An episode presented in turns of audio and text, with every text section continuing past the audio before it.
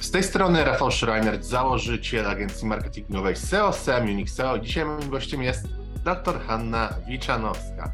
Hanna jest doktorem nauk prawnych, certyfikowaną trenerką biznesu, wystąpień publicznych, a także storytellingu. I dzisiaj właśnie porozmawiamy z Hanną o storytellingu w biznesie. Witam Ciebie. Witam bardzo serdecznie Ciebie, Rafale, oraz oczywiście naszych wszystkich y, przedsiębiorców i ludzi zainteresowanych storytellingiem. Według mnie bardzo ważna umiejętność. Nie chciałbym tutaj spoilerować e, naszych pytań, ale pierwsze w ogóle, powiem tak, masz ciekawą nazwę firmy. Piramida Przemówień. Skąd to się w ogóle wzięło? Piramida przemówień to jest moja taka autorska filozofia przemówień, która łączy dwa elementy.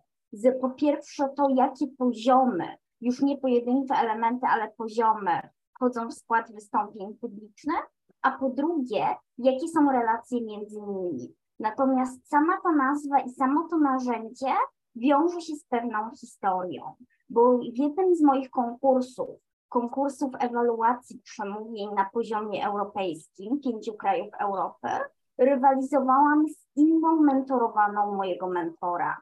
Wiadomo, że nasz mentor wcześniej przygotowywał nas tak samo, natomiast kiedy obie wylądowałyśmy w konkursie, stało się dla mnie jasne, że muszę poszukać czegoś jeszcze. Wtedy sięgnęłam po moje notatki, rozpisałam to, co liczy się z przemówienia oraz jakie to ma znaczenie. I z tych notatek wyłoniła się właśnie moja piramida przemówień. A powiedz mi tak, zacznijmy od ogółu do szczegółu. Czym według Ciebie jest storytelling? Storytelling jest to sztuka skutecznego oraz dopasowanego do konkretnej widowni opowiadania historii. Oczywiście storytelling stosujemy w biznesie, możemy go też stosować w edukacji, w mowach inspiracyjnych, w wielu innych działkach, ale żeby historia była historią, musi mieć cztery istotne składniki. Pierwszym jest rdzeń, czyli cel naszego wystąpienia oraz cel, któremu służy sama historia. Drugim jest konflikt. I najczęściej ten konflikt nawiązuje do problemu widowni, który chcemy rozwiązać. Trzecim są oczywiście bohaterowie na czele z naszym głównym bohaterem, a czwartym jest zmiana emocji. I to jest taka esencja dobrego storytellingu, aby właśnie problem i cel umieć pokazać za pomocą konkretnego bohatera i umieć pokazać w tym wszystkim trochę walki, trochę dramaturgii, trochę zmian emocji. Hmm, czyli możemy powiedzieć, że to są takie główne cechy, jakie powinna mieć historia, czy, hmm, czy możemy jeszcze coś dodać, czy raczej osoby muszą po prostu skupiać się na tym, e, żeby nie, nie rozpłynnić tej historii, nie rozmazać jej w jakiś sposób, żeby ona lepiej przemawiała? Dokładnie tak. To są cztery główne składniki storytellingu. Natomiast jest jeszcze taka lista, ja ją nazywam rozszerzoną. Ona jest zresztą oparta na narzędziu modelu bajki Licza i Greymasa, która pokazuje nam takich elementów sześć. Tych sześć elementów, one odpowiadają nam na jedno główne pytanie. Czy nasza historia będzie przekonywająca z punktu widzenia danej widowni? I tutaj mamy, tak jak mówiłam, sześć rzeczy. Mamy bohatera, to już jest teraz konkretnie główny bohater tej historii. Mamy cel tego bohatera, czyli coś, co ten bohater chce osiągnąć, coś, o co on walczy, na przykład otwarcie własnej firmy. Mamy konflikt, czyli kogoś albo coś, co temu naszemu bohaterowi przeszkadza. Zazwyczaj mamy mentora, czyli kogoś, kto wspiera głównego bohatera na jego drodze do sukcesu. Mamy wsparcie i wsparcie jest bardzo ważnym elementem, bo ono nawiązuje do celu naszej historii. Na przykład w historiach sprzedażowych to będzie produkt albo usługa, która jest oferowana. W historiach inspiracyjnych to będzie jakaś rada, jakieś przesłanie. No i ostatnim elementem jest krąg obdarowany, czyli wszystkich tych, którzy są beneficjentami tego wsparcia, tego rozwiązania. To oczywiście jest główny bohater, ale to może być krąg szerszy. To może być jego rodzina, jego firma, jego na przykład startup, albo jakieś osoby z jego otoczenia, które są dla niego istotne. Czyli jakbyśmy dla kogoś mieli tak uprościć, to jak wygląda uniwersalna struktura? Sama struktura zawsze przebiega, ja podam tutaj strukturę skróconą, właśnie dopasowaną do przemówień. Najpierw to jest struktura STAR, która składa się z czterech momentów. Sytuacja, czyli zwykłe życie bohatera, jego życie wcześniejsze, do momentu, aż na jego drodze pojawi się jakiś cel, jakieś dążenie, o które ten bohater będzie musiał walczyć. Dalej mamy literę T, czyli właśnie task.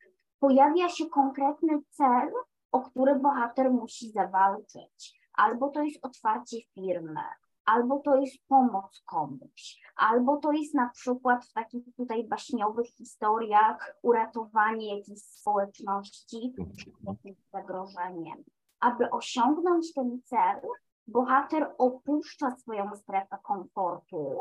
Umownie się mówi w storytellingu, że on wychodzi ze zwykłego świata, z tego, w którym żył, z tego, który bardzo dobrze znał i przechodzi do świata nieznanego, poza swoją strefą komfortu, po to, żeby walczyć z jakimś przeciwnikiem, a często ten przeciwnik jest w nim samym, o osiągnięcie tego celu.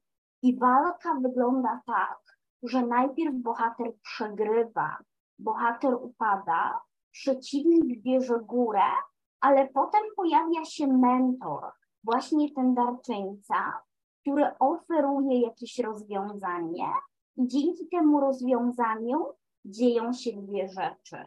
Po pierwsze, bohater faktycznie osiąga swój cel i z tym osiągniętym celem powraca do swojego dalszego, zwykłego życia, ale po drugie, dochodzi do wewnętrznej transformacji bohatera, czyli bohater staje się lepszy, mądrzejszy, bardziej świadomy i to, czego się nauczył w toku tej walki, zabiera ze sobą jako pewną mądrość pewien eliksir. Czy można to zastosować na przykład do e-commerce? Bo wydaje mi się, że taka struktura jak najbardziej może być zastosowana na przykład w biznesie, czy to usługowym, czy, czy w jakichś szkoleniach, konsultingu, ale czy można to zastosować do typowych produktów? Jak ktoś ma na przykład sklep, czy czy taki storytelling powinien tworzyć o swojej firmie? Może na stronie internetowej powinna być zakładka o nas, która powiedziałaby historię firmy, czy lepiej historię produktu? I jakie to jest w ogóle Twoje zdanie? Co byś poleciła? Jak najbardziej tak. W każdej z tych form, o, którym, o których wspomniałeś, historie mogą, a wręcz użyję słowa powinny być stosowane. Jeśli chodzi o produkt, jeśli mówimy stricte albo o produkcie, albo o usłudze, to to są bardzo często albo historie zadowolonych klientów, czyli na przykład mamy, weźmy mój, moją usługę, czyli na przykład mentoring z wystąpień publicznych, powiedzmy, że mamy menedżera, który chciał zdobyć jakiegoś ważnego klienta. To był jego cel. Udał się na negocjacje z tym klientem, no i w pierwszym, w czasie pierwszego spotkania negocjacje na przykład nie doszły, czy ta finalna umowa nie doszła do skutku, bo czegoś zabrakło. Menedżer nie wie czego, ale potem okazuje się, że to mogła być umiejętność dopasowania swojego komunikatu właśnie do klienta docelowego. No i menedżer otrzymał radę, na przykład zainwestuj czy zastanów się nad swoją umiejętnością wystąpień publicznych i w ten sposób trafił do mnie. Być może faktycznie, kto, jeśli to jest moja historia, no to oczywiście trafił do mnie, czy trafił na moje narzędzie piramidy pszczółki, które pozwoliło mu te wszystkie elementy ładnie poukładać i dzięki temu albo z tym, albo z innym klientem był już lepiej przygotowany, osiągnął swój cel, pozyskał klienta, ale też stał się bardziej świadomy, bo od tej pory, jeśli przygotowuje się do spotkań z klientami, z inwestorami, z kontrahentami, faktycznie wie jedno, że dopasowanie komunikatu do widowni jest najważniejsze. Czasami też, to jest coś, co ja zrobiłam na samym początku, sięgamy po osobiste historie, po to, żeby pokazać jakieś narzędzie. Czyli moja historia, przygotowywałam się do konkursu ewaluacji. Moim celem było dojście do podium albo do konkretnego miejsca, ale pojawił się problem, bo nagle ktoś już znał pewne narzędzie, którym ja się posługiwałam wcześniej. No i wydawałoby się, że nie mam już tej przewagi, nie mam swojego narzędzia, ale też tutaj była inna osoba, była to jedna z moich koleżanek w organizacji, która powiedziała: obserwuj, poszukuj zależności i wydobądź to, co w przemówieniu jest najważniejsze. I faktycznie tak powstała moja filozofia, moja piramida przemówień. Więc jak najbardziej i w e-commerce, i w takiej reklamie bardziej tradycyjnej, i na przykład w postach na LinkedInie czy na Facebooku, takie historie produktowe bardzo często. A jeśli chodzi o historię marki, to już jest osobny, jeśli będziesz chciał, to oczywiście w to wejdziemy, to już Mhm. jest osobny rodzaj historii biznesowej. To jak poruszyłaś, jak by tutaj wyglądała różnica pomiędzy z historią marki na takiej przykładzie na przykład struktury, czy od czego w ogóle osoba powinna zacząć, kontra historia właśnie na przykład e-commerce, czy produktu, czy usługi? Super. Powiem tak, y, struktura jest cały czas ta sama, natomiast to, co się różni, to jest nasz rdzeń, to jest nasz cel, właśnie z którym taką historię opowiadamy. I tutaj, jeśli chodzi o historię produktową, jest o tyle łatwiej, że łatwiej nam pokazać podobieństwo pomiędzy bohaterem, czyli pomiędzy klientem, a naszą widownią docelową, czyli na przykład innymi potencjalnymi klientami. W historii marki takiej tradycyjnej, bo tutaj też są różne koncepcje, albo to my jesteśmy bohaterem, albo właśnie nasza firma czy nasza marka osobista. To też zależy, jak to sobie zdefiniujemy. I taką bardzo częstą pułapką, którą widzę, w którą niestety wiele marek wpada, jest to, że koncentrują się stricte na sobie. Czyli moja marka powstała tak i tak, y, pomysł był taki, sięgam po to i po to. Oczywiście są w tym jakieś konflikty, są w tym jakieś zmagania, ale te osoby często zapominają o perspektywie swojej widowni docelowej. To, co ja zawsze radzę, jeśli nawet mówimy o historii marki, jest mimo wszystko pokazywać takie aspekty, które pokażą podobieństwo pomiędzy na przykład mną jako moją marką, a moją widownią docelową. Ona nie będzie już tak skupiona, bo ta historia moja, którą podałam, jest skupiona wprost na moim pewnym, może nie tyle produkcie, ale narzędziu, piramidzie przemówień. Natomiast gdybym pokaz... historia marki byłaby pewnym pokazaniem mojej drogi jako mówczyni, jako storytellerki, ale też powinnam pokazać taki problem, czyli na przykład stres, na przykład perfekcjonizm, taki, o którym wiem, że będzie jednocześnie problemem mojej widowni docelowej. Gdybyśmy mieli teraz iść bardziej trochę w szczegóły, czy istnieją jakieś praktyki, jakieś dobre praktyki, jak można dobrze opowiadać? Super. Zacznijmy sobie, oczywiście jest ich bardzo wiele, ale tutaj chciałabym tak na początek zwrócić uwagę na takie trzy pierwsze. Pierwsza rzecz to właśnie połączenie historii celem, bo bardzo często, rzadko kiedy jest tak, tak się może zdarzyć, ale to są rzadsze sytuacje, że całe nasze przemówienie jest historią. Historia jest najczęściej fragmentem albo całym rozwinięciem, ale do tego mamy jeszcze jakiś wstęp, jakieś zakończenie, albo nawet fragmentem rozwinięcia. I wtedy pierwsza rzecz, o którą musimy, którą musimy so, siebie samych zapytać, to po co mówimy tę historię tej konkretnej widowni? Co my wnosimy i całym przemówieniem, i oczywiście tą historią w życie naszej widowni. I to jest właśnie ten cel, czyli rdzeń naszej historii. To jest pierwsza rzecz. I tutaj najlepiej pytać nie o sam cel, ale od razu o problem. Jaki problem ma nasza widownia i jaką właśnie wartość, jakie rozwiązanie oferujemy. Druga rzecz, to o czym już po części wspomniałam, to jest to, żeby zawsze analizować potrzeby. Nie tylko cel, nie tylko problem, ale również jakieś marzenia, jakieś lęki, jakieś hamulce, również to, ile nasza widownia wie w tym temacie, jakie jest jej nastawienie, czyli dobry storytelling powinien być zawsze oparty o analizę potrzeb naszej, czy to, jedne, czy to jednej osoby, na przykład klienta albo inwestora, czy to szerszej widowni, jeśli mówimy na przykład o konferencji biznesowej. Czyli cel, potrzeby.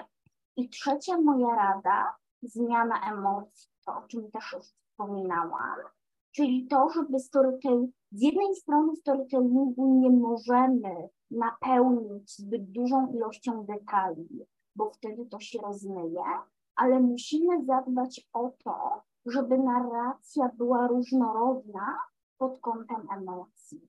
Czyli na przykład ten moment, gdzie bohater upada, gdzie przegrywa walkę, muszą być pokazane tutaj emocje, jego frustracja, jego złość, jego lęk, w zależności od tego, na jakich emocjach chcemy pracować. I one muszą być wyraźnie skontrastowane, na przykład z późniejszym happy endem.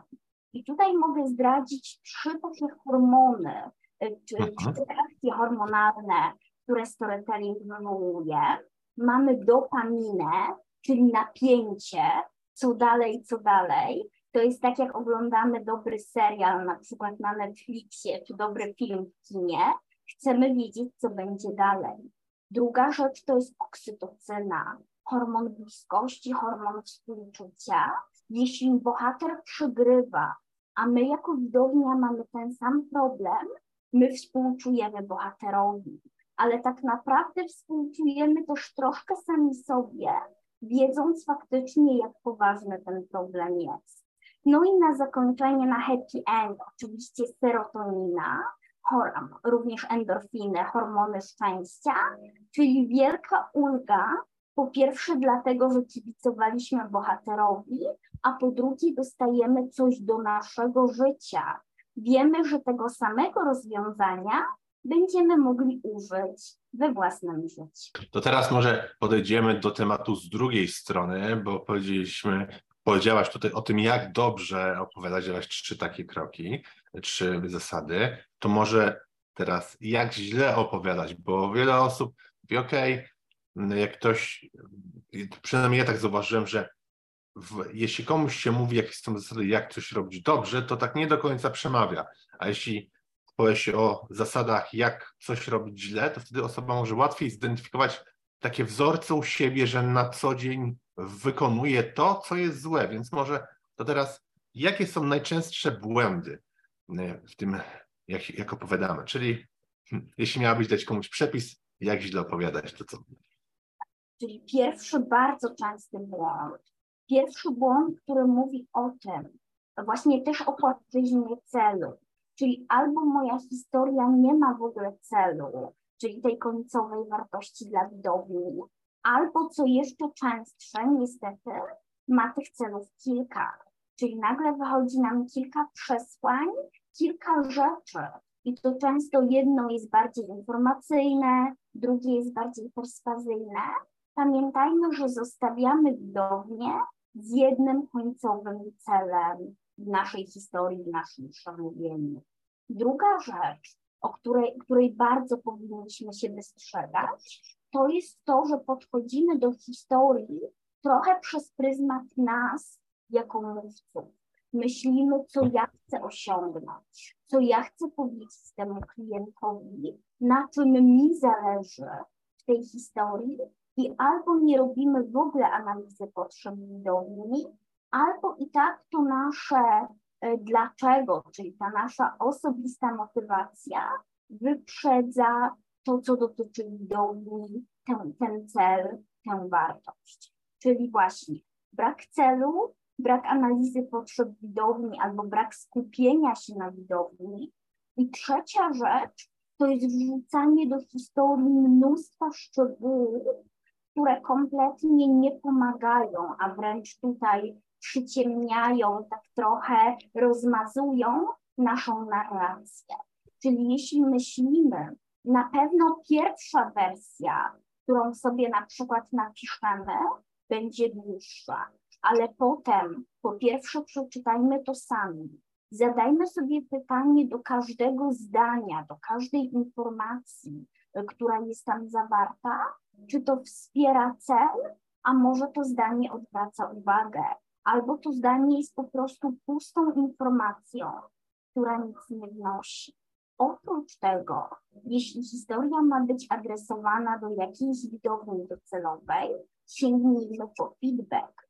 Czyli na przykład, jeśli adresujemy ją do przedsiębiorców, a powiedzmy nasza siostra, nasz partner, nasi rodzice, nasza koleżanka też są przedsiębiorcami, spytajmy ich o to, czy oni po pierwsze widzą cel. To jest bardzo ważne pytanie. Czyli jeśli ktoś przeczyta taką historię, zapytajmy go, jakie jedno zdanie, jaka jedna myśl została z tobą po tej historii.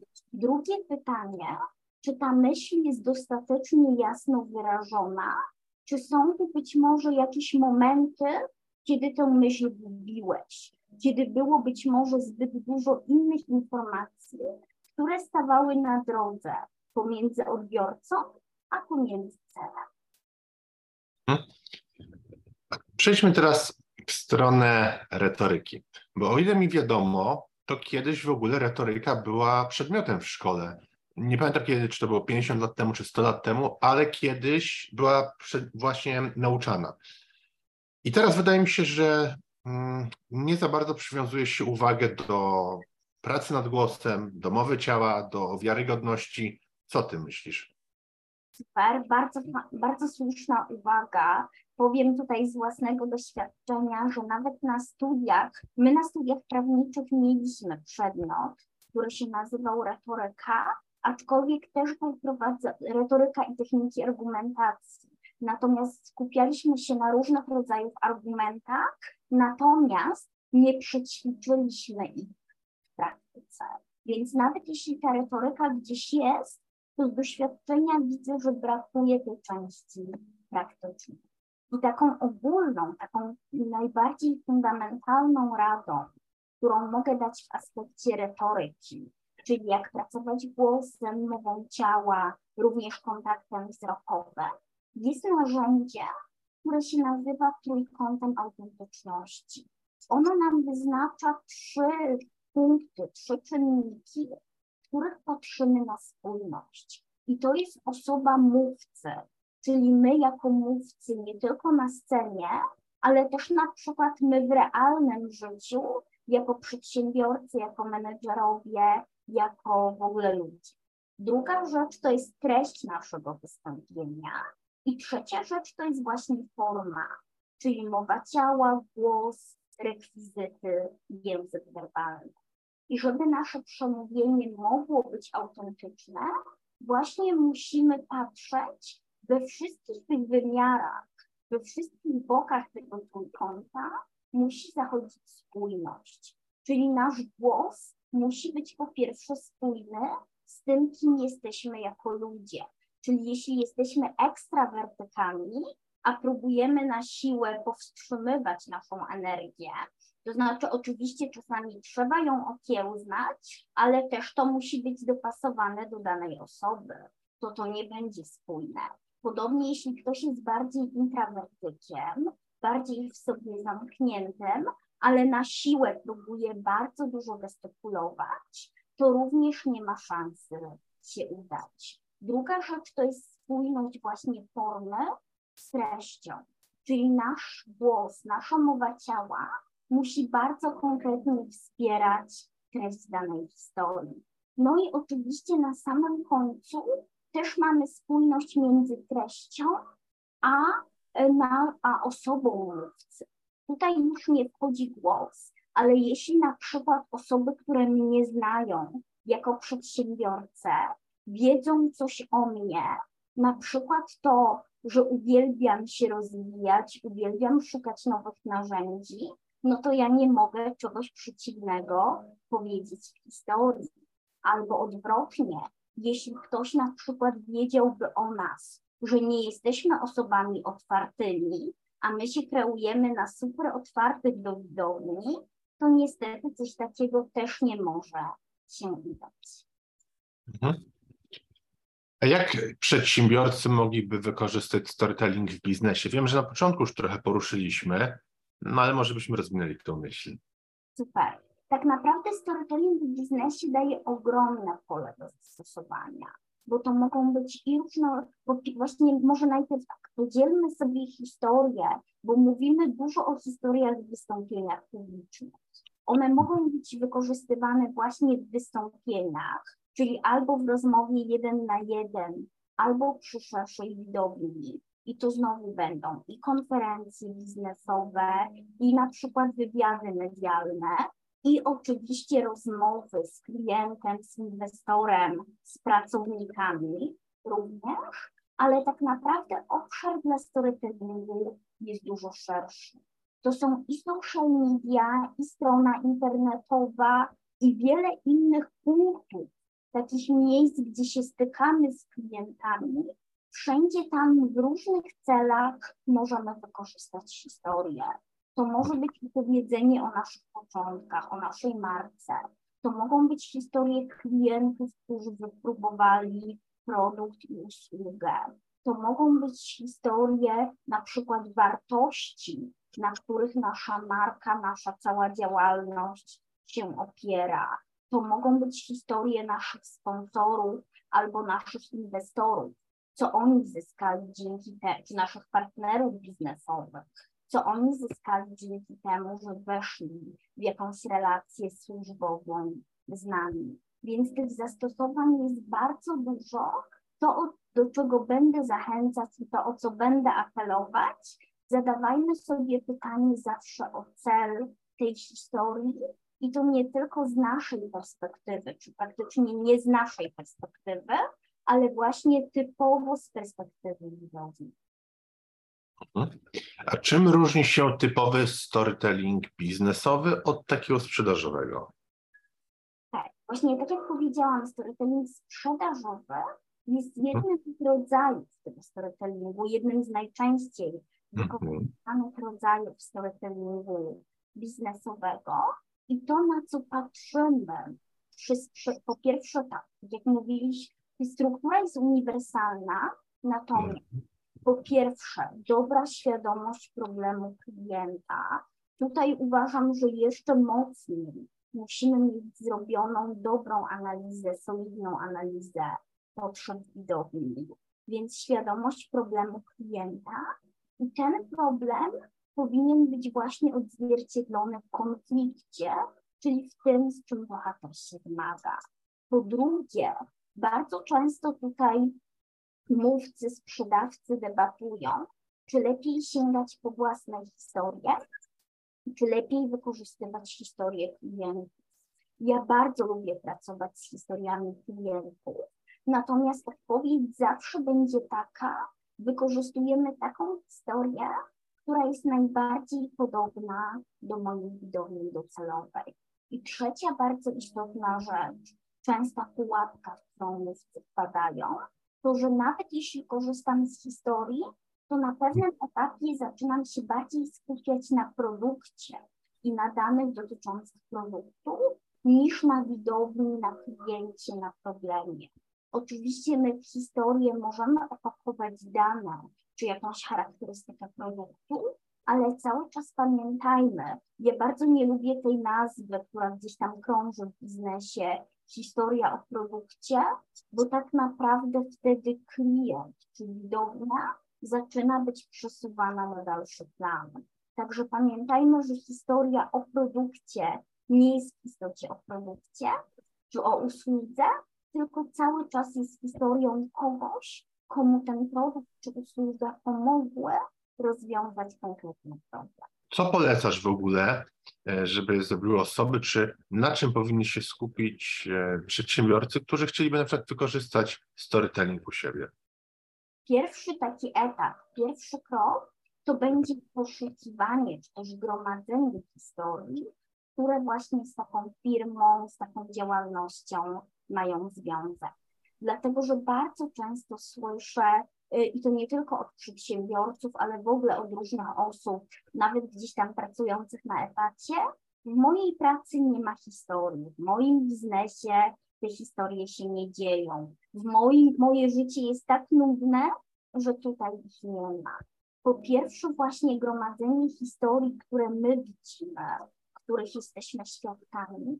Po drugie, umiejętność docierania, czy też zapraszania klientów do tego, żeby oni się dzielili swoimi historiami, gromadzenia ich, to znaczy nie publikowania wszystkich i na pewno nie zawsze, ale umiejętność właśnie zapisywania ich, czy w jakimś pliku, Wordzie, w Excelu, różnie to mówcy robią, czy nawet w takim tradycyjnym notatniku, czy kalendarzyku, czy zeszyciku. Formę zostawiam tutaj do własnego wyboru. Natomiast właśnie gromadzenie tych historii. Druga rzecz to jest właśnie, jeśli mamy ich kilka, zastanawianie się pod kątem widowni, pod kątem celu, która będzie najlepsza do danego celu, do danego działania, do danej widowni. A trzecia rzecz to umiejętność właśnie podkreślenia czy położenia nacisku w ramach samej historii na te elementy, które są kluczowe. Bardzo często tutaj, jak prowadziłam takie szkolenie właśnie dla czy to menedżerów, czy to osób gdzieś tam działających w marketingu, i na y, szkolenie to było pięć spotkań y, co tydzień, i po drugim spotkaniu osoby właśnie dostawały zadanie przygotowania, przesłania mi swojej historii, czy to właśnie produktowej, czy marki, czy innej. I bardzo często, jak historię dostawałam, y, często moją informacją zwrotną było to, za dużo szczegółów, albo ta informacja jest całkowicie irrelevantna, bo na przykład wprowadza inny cel. I to, co mi te osoby odpowiadały, no ale Hania, tak naprawdę było. To i to i to się wydarzyło. Mówię, w to nie wątpię, ale twoja widownia tej informacji nie potrzebuje. Także historie powinny być autentyczne, ale też nie powinniśmy opowiadać każdej jednej rzeczy, która miała miejsce, każdej jednej rozmowy, każdego jednego szczegółu. Tak, coś takiego potrafi według mnie łatwo wybić z takiego rytmu. I powiedzmy sobie szczerze, jeśli kogoś spotykamy i nagle zaczyna mówić o takich mega już naprawdę szczegółach, które nie, nie są w ogóle istotne, no to jest często tak, że zaczynamy tracić e, poczucie, nie wczuwamy się w ogóle w tą historię, bo skupiamy się na tych mało istotnych rzeczach, zamiast na ogólnym zarysie, że jest ten konflikt, że jest ten problem, e, z jaką, od czego zaczynała osoba, do czego dąży. Zdecydowanie tak, więc tutaj po pierwsze kwestia utraty uwagi widowni, bo tak jak mówisz, takie ryzyko też istnieje i kwestia, że nawet gdybyśmy utrzymali uwagę, gdybyśmy zakładając bardziej w teorii, ale jednak przez całą historię, to tracimy główną puentę, tracimy cel, tak naprawdę sami zaczynamy się, nasza widownia zaczyna się zastanawiać, po co ta osoba mi tę historię mówi, po co ja w ogóle tej historii słucham. Mhm. Jak najbardziej. Hania, czy chciałabyś jeszcze coś dodać? Przeszliśmy przez wszystkie moje pytania, które miałem dla Ciebie. Ja zostawię, chciałabym tutaj zostawić naszych słuchaczy, naszą widownię z przesłaniem. Właśnie pamiętajmy, że historie po pierwsze pomagają, ale one nie pomagają zawsze. Żeby one faktycznie pomogły, to właśnie kluczowe są te dwa elementy, o których tyle mówiłam. Cel oraz jeszcze bardziej dopasowanie do odbiorcy. bo często nawet w naszym środowisku trenerskim spotykam osoby, które mówią, historia to emocja, historia to rozrywka, historia ma szokować, ona może to wszystko robić, ale jeśli ona nie będzie dopasowana do celu, takiego, który nasza widownia uzna za wartość oraz właśnie do jej potrzeb, to taka historia nie będzie po prostu historią skuteczną. Taką historię ludzie potraktują, tak jak na przykład stand-up, czyli fajna rozrywka, raz ją pewnie gdzieś tam obejrzą, ale taka historia straci swoją moc, nie będzie przekazywana, nie będzie rozpowszechniona. 100% zgadzam się z Tobą. Ania, ja bardzo dziękuję za rozmowę. Przyjemnie mi się rozmawiała. Storytelling to jest temat, który mnie od zawsze interesował. Jeśli mam możliwość porozmawiania z ekspertem z tej dziedziny, to zawsze jestem zadowolony jak najbardziej. Także jeszcze raz Tobie dziękuję za spotkanie.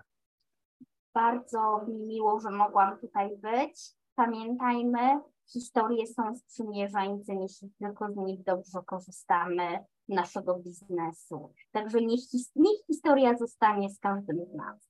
Ja zachęcam tutaj wszystkich do subskrybowania i udostępnienia tego odcinka osobom, przedsiębiorcom, czy może nawet znajomym, którym przyda się jak najbardziej storytelling w ich życiu czy w biznesie. Jeszcze raz dziękuję i wszystkiego dobrego życzę. Gotowy rozwinąć swój biznes z Unixel? Przyspiesz i wrzuć wyższy bieg. Bez znaczenia, czy prowadzisz duży e-commerce, czy lokalną firmę usługową. Za pomocą Google Ads, kampanii social media, w tym Facebook, LinkedIn, TikTok, Instagram i inne, a także pozycjonując organicznie w wyszukiwarkach, Unixel jest w stanie regularnie dowozić Tobie nowych klientów. Podejmij współpracę z najlepszym partnerem już teraz. Wejdź na unixel.pl i wypełnij formularz.